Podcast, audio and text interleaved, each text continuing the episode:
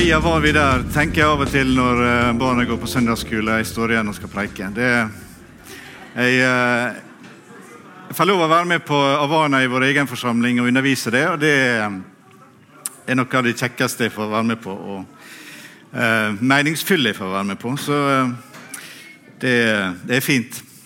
Så er det oss igjen, da. Uh, takk for velkomst, og takk for at dere er en del av også IMF og det misjonsarbeidet som oss får være en del av. Og Det er spennende tider, og neste helg er det lederkonferanse. Jeg vet Noen skal dit herfra også. og Generalforsamling og framtida er spennende, usikker kanskje. og Hvordan denne organisasjonen skal rigges osv. Det blir jo opp til, opp til fotfolket å, bestemme. Men også er i en spennende fase. Så vær med og, og påvirke det, og, og at oss får være en bevegelse som kan bety noe for barn, unge og voksne eh, til å bli utrusta og satt i stand til tjeneste, til å drive misjon i Norge og videre utover. Så eh, det, det, er et eh, oppdrag som må se. Ja, jeg fikk egentlig en arbeidstittel, det samme som, eh, som, var nevnt her. Og så har jeg ikke fått så mye undertittel, som var sagt her, men jeg eh, bruker det eh, til å gi noe som ligger på mitt hjerte, og så kan jeg godt hende teksten som vi leser, er blitt lest før og talt over. Og det eh, skal vel godt gjøres at det likevel, det som ligger på mitt hjerte, er blitt delt eh, eksakt på samme måte. Eller så for å si, som Ludvig Hope sa til en kar som hadde hørt han holde samme preike sju ganger, og var litt misfornøyd med det. 'Ja, kan du det nå, da?' sa han. Um, og Det jeg skal dele noe om, er um, likevel noe som um, er et tydelig budskap i Bibelen. Jeg vet ikke hvordan uka de har vært. Uh, var småbarnsforeldre, begge jobb Eh, livet skal gå i hop, barna skal på aktiviteter. Og eh, besteforeldre som gjerne skal stille opp. AFP-pensjonister er de travleste folka som vi har i samfunnet, tror jeg. Eh, folk spør deg hvordan livet er, og du svarer gjerne travelt. Nærmest som en status er det blitt. Men det noen ganger så er livet så fylt og det er så travelt at oss eh, lurer på hvordan i all verden vi skal kunne håndtere alt. Eh, vel, det er den komplekse gåta som livet er, i hvordan ting henger i hop og skal komme oss få til å, å eh, leve ut alt, som vi skal snakke litt om denne formiddagen. Ut ifra en tekst i Markusevangeliet og Spørsmålet er egentlig hvor skal vi begynne? Hva er den rette plassen å begynne når livet er så til dels kaotisk som det er, uoversiktlig som det er, så mange problemstillinger, så mange utfordringer? Hvor skal vi begynne? Hva gjør oss først? Og hvor går oss derifra? Og Jeg tror vi vil få stor hjelp til å sortere det ut ifra det budskapet som vi finner her i det tolvte kapittelet i Markusevangeliet. Og Husk at det avsnittet som vi skal lese nå ifra, det skjer i, eh, i løpet av den siste veka i Jerusalem, etter at Jesus hadde rensa tempelet, og etter at han hadde kasta ut pengevekslerne. Og han hadde blitt konfrontert med de skriftlærde fariseerne, herodianerne, eh, yppersteprestene, sadukerene. Alle disse som vil diskutere med han og um, argumentere med han. Og forsøkte å fange hans, uh, han i, i, ord. Og nå, Midt i denne diskusjonen så begynner han å snakke om ting som er av veldig stor betydning for meg og deg og vårt liv. Og Vi skal da lese eh, fra Markusevangeliet, kapittel 12, fra vers 28. En av de skriftlærde som hadde hørt på ordskiftet og forsto at Jesus hadde svart dem godt, kom da bort til ham og spurte hva er det første av alle budene? Og Jesus svarte, dette er det første av alle budene. Hør, Israel. Herren vår Gud, Herren er én, og du skal elske Herren din Gud av hele ditt hjerte, av hele din sjel, og all din fornuft og all din makt. Dette er det første budet. Det andre, som er like stort, er dette. Du skal elske din neste som deg selv. Det finnes ikke noe annet bud som er større enn disse. Dette svaret som Jesus gir, gir oss innsikt i, i Eh, spørsmålet, eller svaret på spørsmålet som denne skriftlærde stiller eh, om livet sine prioriteringer.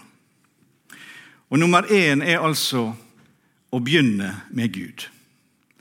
Når jeg og du er urolig, når vi er plaga med alle tanker som vil forvirre oss, når vi ikke vet hva vi skal gjøre først, når vi kjenner på at vi ikke har nok ressurser til å håndtere det vi står overfor. Når vi er forvirra, når vi er usikre, så begynn med Gud og elsk Han. Når vi tenker på våre liv, så må vi innrømme at vi sjelden begynner med å elske Gud. Eh, nesten alltid så starter oss med de krav som stilles til oss, i stedet for å se til Gud, som vil lede oss gjennom det vi skal eh, det å stende overfor. Det puslespillet som det ofte er for å få livet til å gå i hop. Problemet som oss har, presset som vi kjenner på, konfronterer oss. Vi er så innepakka i disse problemene og tankene at vi ikke kan på en måte eh, forstå at eh, å begynne i rett ende. Han, Gud sier, Jesus sier at han at vi eh, skal begynne med å elske Gud. Begynne med å elske Gud.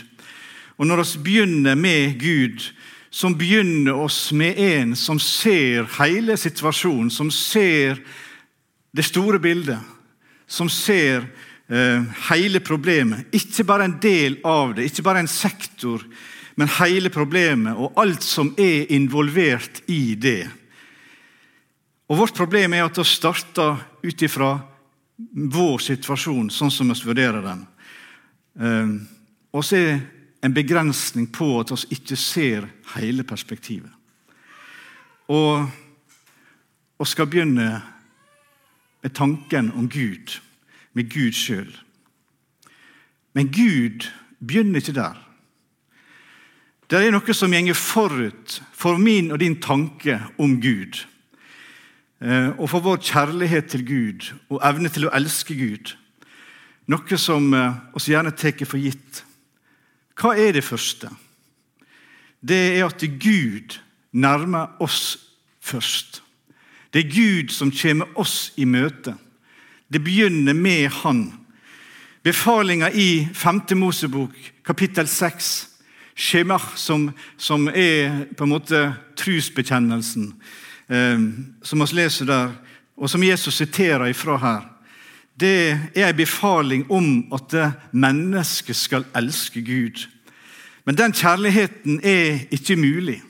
Vår evne til å elske Gud er ikke mulig før vi har begynt å se at Gud elsker oss først. Vår kjærlighet til Gud er derfor menneskets, vårt svar til Gud. Hvis alt å stå overfor var et krav om kjærlighet til en gud et eller annet sted, så vil vi finne det vanskelig å svare. Og så vil jeg synes det er Han vil kunne være vår fiende, vår dommer, kanskje vår bøddel, til og med. En forestilling om en gud et eller annet sted, men så vet ikke helt hvem han er. Men Guds ord, Skrifta, den begynner egentlig aldri med vårt svar. 1. Johannes brev, kapittel 4, vers 19, minner oss om at vi elsker fordi Han elsker oss først. Menneskets ansvar er å svare på den kjærlighet som Gud er åpenbart for oss. som strekker seg ut til oss på alle kanter. Strekker seg ut til oss i naturen. Strekker seg ut i alt det som oss har, som oss uh, har fått. Alt som er gitt oss fra dag til dag. Vi må aldri glemme at de ting som jeg og du nyter, og som oss til daglig til som selvsagt, maten som vi eter, sola som skinner på oss, eh, lufta som vi puster Ingenting er selvsagt, men det er gitt oss av Gud, den levende Gud. Alt kommer til oss ifra Guds hånd. Det er Gud som gir oss det til oss. Det er Guds godhet som beskytter oss med hans veldige hand. Som hindrer oss til å bli ødelagt av de kreftene som eh, arbeider for det vonde i våre liv. Guds hand, Guds beskyttende hand, beskytter oss. Og når du tenker på Guds kjærlighet, og spesielt den kjærlighet som har frelst oss og forløst oss og gitt oss et, et, eh, et nytt liv, så er hjertet sitt eneste rette respons og svar at oss elsker Gud tilbake. Av hele vårt hjerte, av hele vår tanke, av hele vårt sinn, hele vår styrke, hele vår sjel. Og Legg merke til at eh, Jesus forteller oss om en prosess i det å elske Gud, og hvordan vi skal elske Gud. For det at det Kjærlighet er ikke bare en følelse. Det er ikke bare en flyktig følelse som vi kan kjenne på fra tid til annen. Kjærligheten i denne sammenhengen er Kall det gjerne en logisk en, en beslutning, en, en handling, som vi gjør. Hvis det å elske Gud er nøkkelen til livet Hvis det å elske Gud er nøkkelen til livet, den sentrale sannheten om vår menneskelighet, hvordan gjør oss det? Jesus han siterer Moses som sagt, som indikerer en slags prosess i hvordan dette foregår, skjer. Og Befalinga som vi har framfor oss, er gitt i det verset, som gjenger fra hjertet, gjennom sjelen og sinnet, eller følelsene, til hele vår menneskelige styrke. Av hele ditt hjerte og av hele din sjel, av all din fornuft og av all din makt. Dette er ikke nødvendigvis den rekkefølga som, som følger av vår erfaring. I vår erfaring så begynner det med med sinnet, med tanken eller fornuften. Sannheten kommer til oss gjennom det oss observerer. Det oss ser. Oss ser ting, oss uh, føler ting, oss hører ting. Og ser ting som skjer i våre liv og rundt oss. Og observerer det som, det som skjer opplevelsen, sannheten, treffer oss først i fornuften. Først i tanken. Den uttalte ateismen og den praktiske ateismen brer om seg i samfunnet vårt med stor fart, med stor tyngde. Det siste, den praktiske ateismen, handler om at jo da, det fins nok en gud, men vi lever likevel som han er steindød. Som han ikke fins. Um, og Det har aldri vært mer alvor tenke over å ha en slik livsanskuelse, en slik livsinnstilling, som nettopp i vår tid. For aldri har Gud åpenbart seg for oss gjennom sansene, det vi kan se, og det vi kan høre, og det vi kan betrakte og observere, som akkurat nå. Eh, salmisten sier det sånn i Salme 19, vers 2-5. Himlene forteller Guds ære, Hvelvingen forkynner hans henders verk.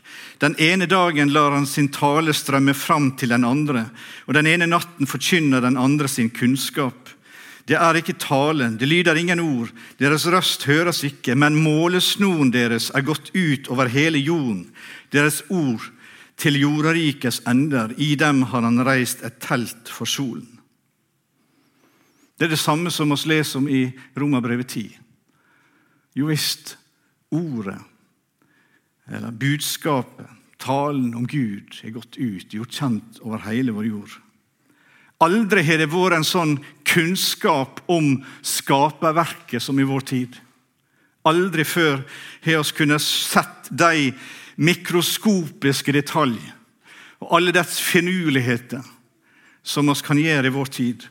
Aldri har vi visst mer om det veldige kosmos, om hvor fininnstilt alt er. Hvor nøyaktig det er, hvor det henger sammen, alt. Kunnskapen tilegnes oss om hvordan ting er. Og det overlates til oss mennesker et enormt ansvar. Det å forkaste Han som har skapt alt. At det er en Gud bak alt. Og eh, i vår tid så velger folk ut ifra sin kunnskap og det en ser, så velger likevel folk å leve etter sine lyster mer enn å følge sin skaper. Lærdommen som oss Nå er jeg på Konfirmantviken og hadde i går en del undervisning eh, oppe på Helgatun med konfirmantene. Og jeg kommer derifra. Eh, om eh, David og Salomo og kongerekka etter det. Vi eh, leste om denne berg-og-dal-banen som de erfarte der det, de, de, solte seg i glansen under eh, David og, Salomo. Og dette riket var på sitt største. For så å se hvordan både Salomo og etterfølgerne forlete Gud. Og hvordan hele historien etterpå er som en rollercoaster i forhold til det å, å følge Gud, å forlate Gud, å bygge avgudsalter og det er en svimlende historie. Jeg tror ikke noen av dem var ateister, men de valgte seg andre guder som passa mer inn i deres livssituasjon. En gud som, som eh, var en mer etter vår egen tanke. Og Vi landa på et par konklusjoner i den undervisninga om kongetida i Israel og Judea, eller Juda. Hvorfor tro på Gud når alt går så godt? Hvorfor tro på Gud når alt livet gjenger på skinner? Hvorfor tro på Gud og følge Han når jeg klarer meg så inderlig godt uten? Og det andre Hvis det fins en Gud, hvor var han når det gikk oss ille? Hvor var Gud når andre folk inntok vårt land og førte oss vekk som slaver. Vi kan se for oss kong Menasse der han gjenger med en, som en okse med en ring og blir ført vekk i fangenskap. Hvor var Gud da? Og Sånn er det en, eh, så mange som tenker i Gud, eller om Gud, eller uten Gud i vår tid. Jeg og du har et ansvar ut fra det vi ser og det vi vet, til å handle med ut ifra for den fornuften som Gud har gitt deg og meg. Ut ifra den tanken som Han har gitt oss. Og eh, Derfor så begynner det her hos oss eh, med det. Om sannheten, som oss kan observere. Deretter så tar sannheten tak i følelsene, eller sjela vår som er det begrepet som er brukt her. Elsk Herren din Gud av hele din sjel. Det er kvaliteten på den følelsesmessige respons som vi gir Gud. Eh, sannheten den treffer sinnet vårt. Og så beveger den seg til følelsene, griper den. Og så begynner vi å føle oss bevege av sannheten eh, slik også sinnet vårt forstår, og følelsene våre eh, griper det. Det tredje trinnet som Jesus snakker om, er å gripe fatt i viljen, eller hjertet vårt, som det, som det heter her. Dette ordet 'hjerte' det blir brukt på flere måter i, i Bibelen. og Noen ganger refererer til følelsene, eh, sånn som det gjør ofte når vi snakker om det. Eh, og, og, eh, og hjertet er på en måte det som eh, symboliserer kanskje det følelsesmessige. Men, men her stender det for, for uh, viljen vår. Og skal velge med hjertet. Velge med viljen. Med hjertet tror en til rettferdighet, og med munnen bekjenner en til frelse, stender det Romerbrevet 10.10. Når vår vilje, når vårt hjerte er påvirka, så er hele mennesket involvert. Med all vår kraft, med hele vår menneskelighet, med, med hele oss. Oss elsker Gud med hele vår styrke. Noe som betyr at oss adlyder det han sier. Hvordan elsker jeg og du Gud? Hvordan elsker oss Han? Jo, oss observerer sannhet. Oss lar sannheten berøre våre følelser. Og der altså utfordres og beveges viljen. Til slutt hele kroppen, hele mennesket, engasjeres i å elske Gud. Vi kan gjøre det, og skal gjøre det, igjen og igjen og igjen. Og Vi begynner å løse problem ved å svare på Guds kjærlighet på den måten. Først da kan oss elske vår neste som oss sjøl. Det er å sette ting i rette prioritet, rette rekkefølge. Når Jesus begynner der, så er det ingen tilfeldighet. Og skal løse våre problem ved å reagere igjen og igjen på Guds kjærlighet til oss. Når vi begynner med Guds kjærlighet, så er vi klar til å begynne å håndtere spesifikke problem som vi måtte møte i livet. I forhold til ektefelle, i forhold til barn, i forhold til sjefen din, i forhold til naboer og venner. Da blir vi frigjort til å elske vår neste som oss sjøl. Og Den samme prosessen som, som eh, nådde oss, den samme prosessen som fikk et svar ifra oss, skal oss nå gi videre til andre mennesker. Og skal vise den samme kjærlighet som oss sjøl er mottatt. Vårt svar er på Guds kjærlighet gjør det mulig. Hvis vi derimot begynner med å begynne med vår neste, så blir vi fokusert på det som er vanskelig. Så begynner vi med en gang å fokusere på det som er utfordrende.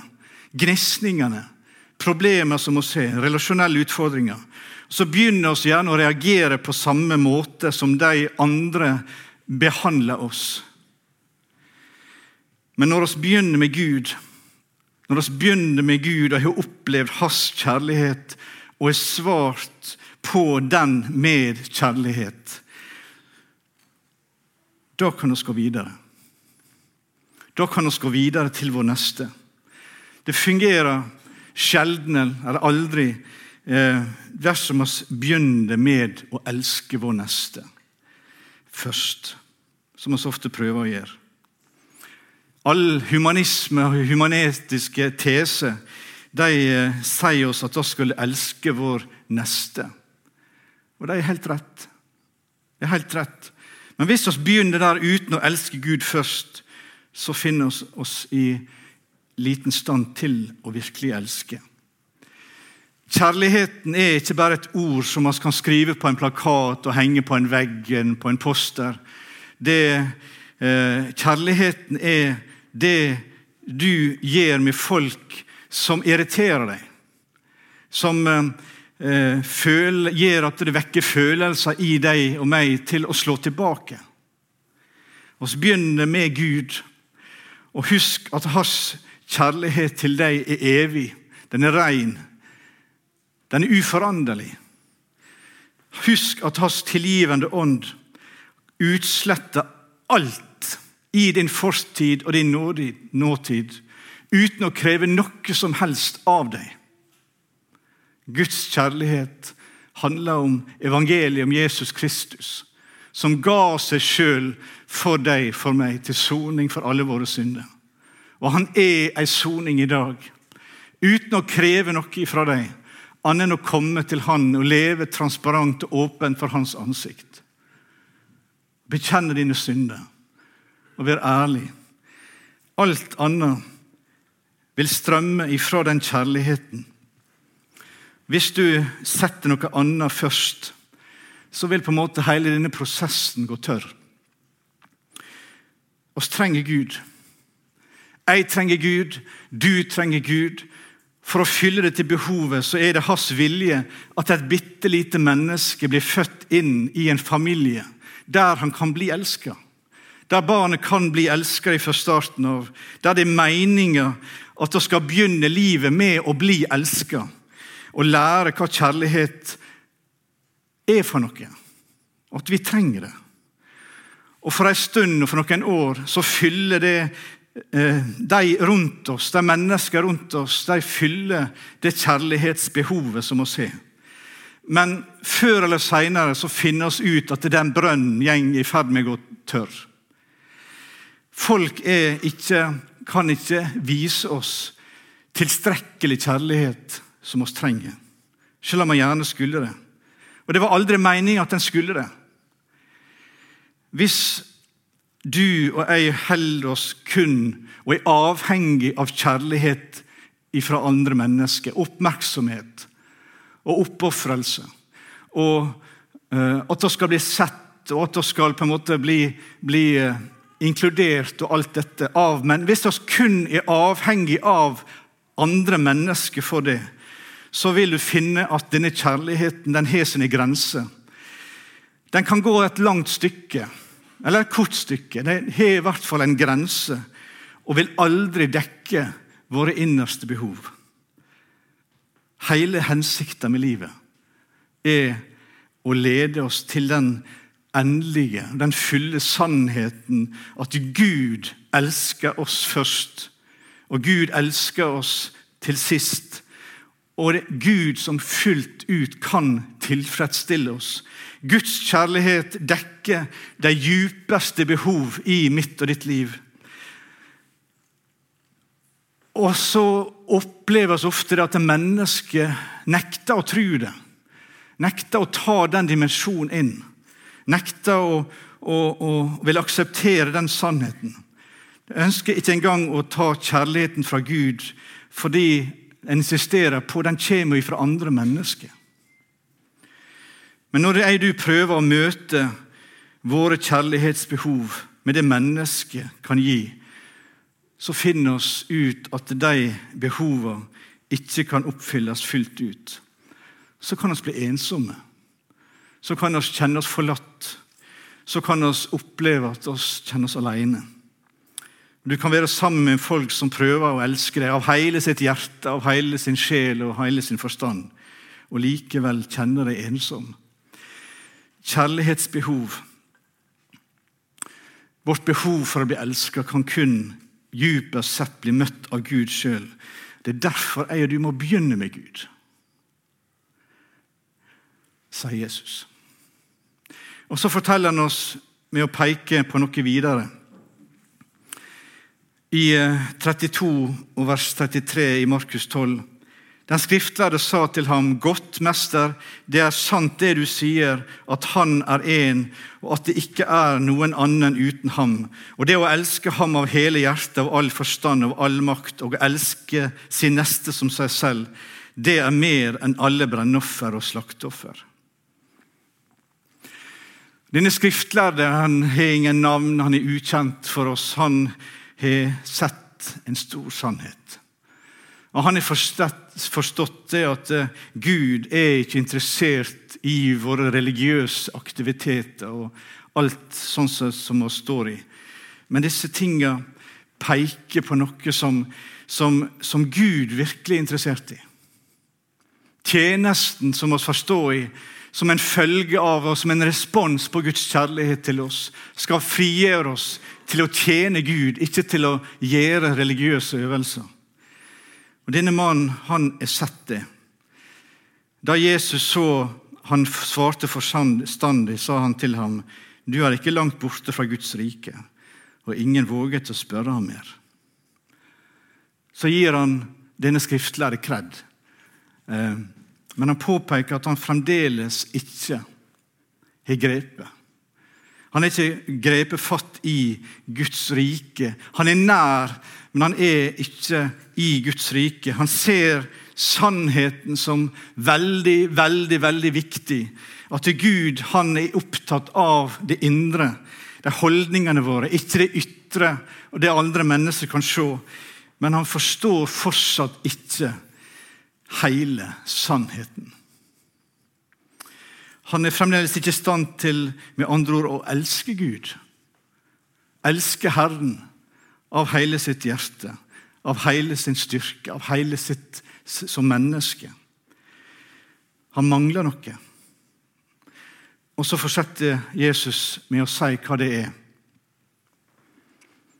Mens Jesus lærte i tempelet, tok han til orde og sa:" Hvordan kan de skriftlærde si at Messias er Davids sønn? David har jo selv sagt i Den hellige ånd, Herren sa til min Herre, sett deg ved min høyre hånd, så til jeg får lagt dine fiender til skammen for dine føtter. David selv kaller ham altså Herre. Hvordan kan han da være hans sønn? Og den store folkemengden hørte ham gjerne. Ifølge Markus er det ingen som svarer på dette, um, dette spørsmålet. Men nå borer altså Jesus djupt og påpeker noe som er veldig viktig for disse skriftlærde, for meg og for deg, for alle mennesker. Altså Når David sier 'Herren' eller 'Jehova sa til min Herre, sett deg ved min høyre hånd', så kaller han, han Messias min Herre.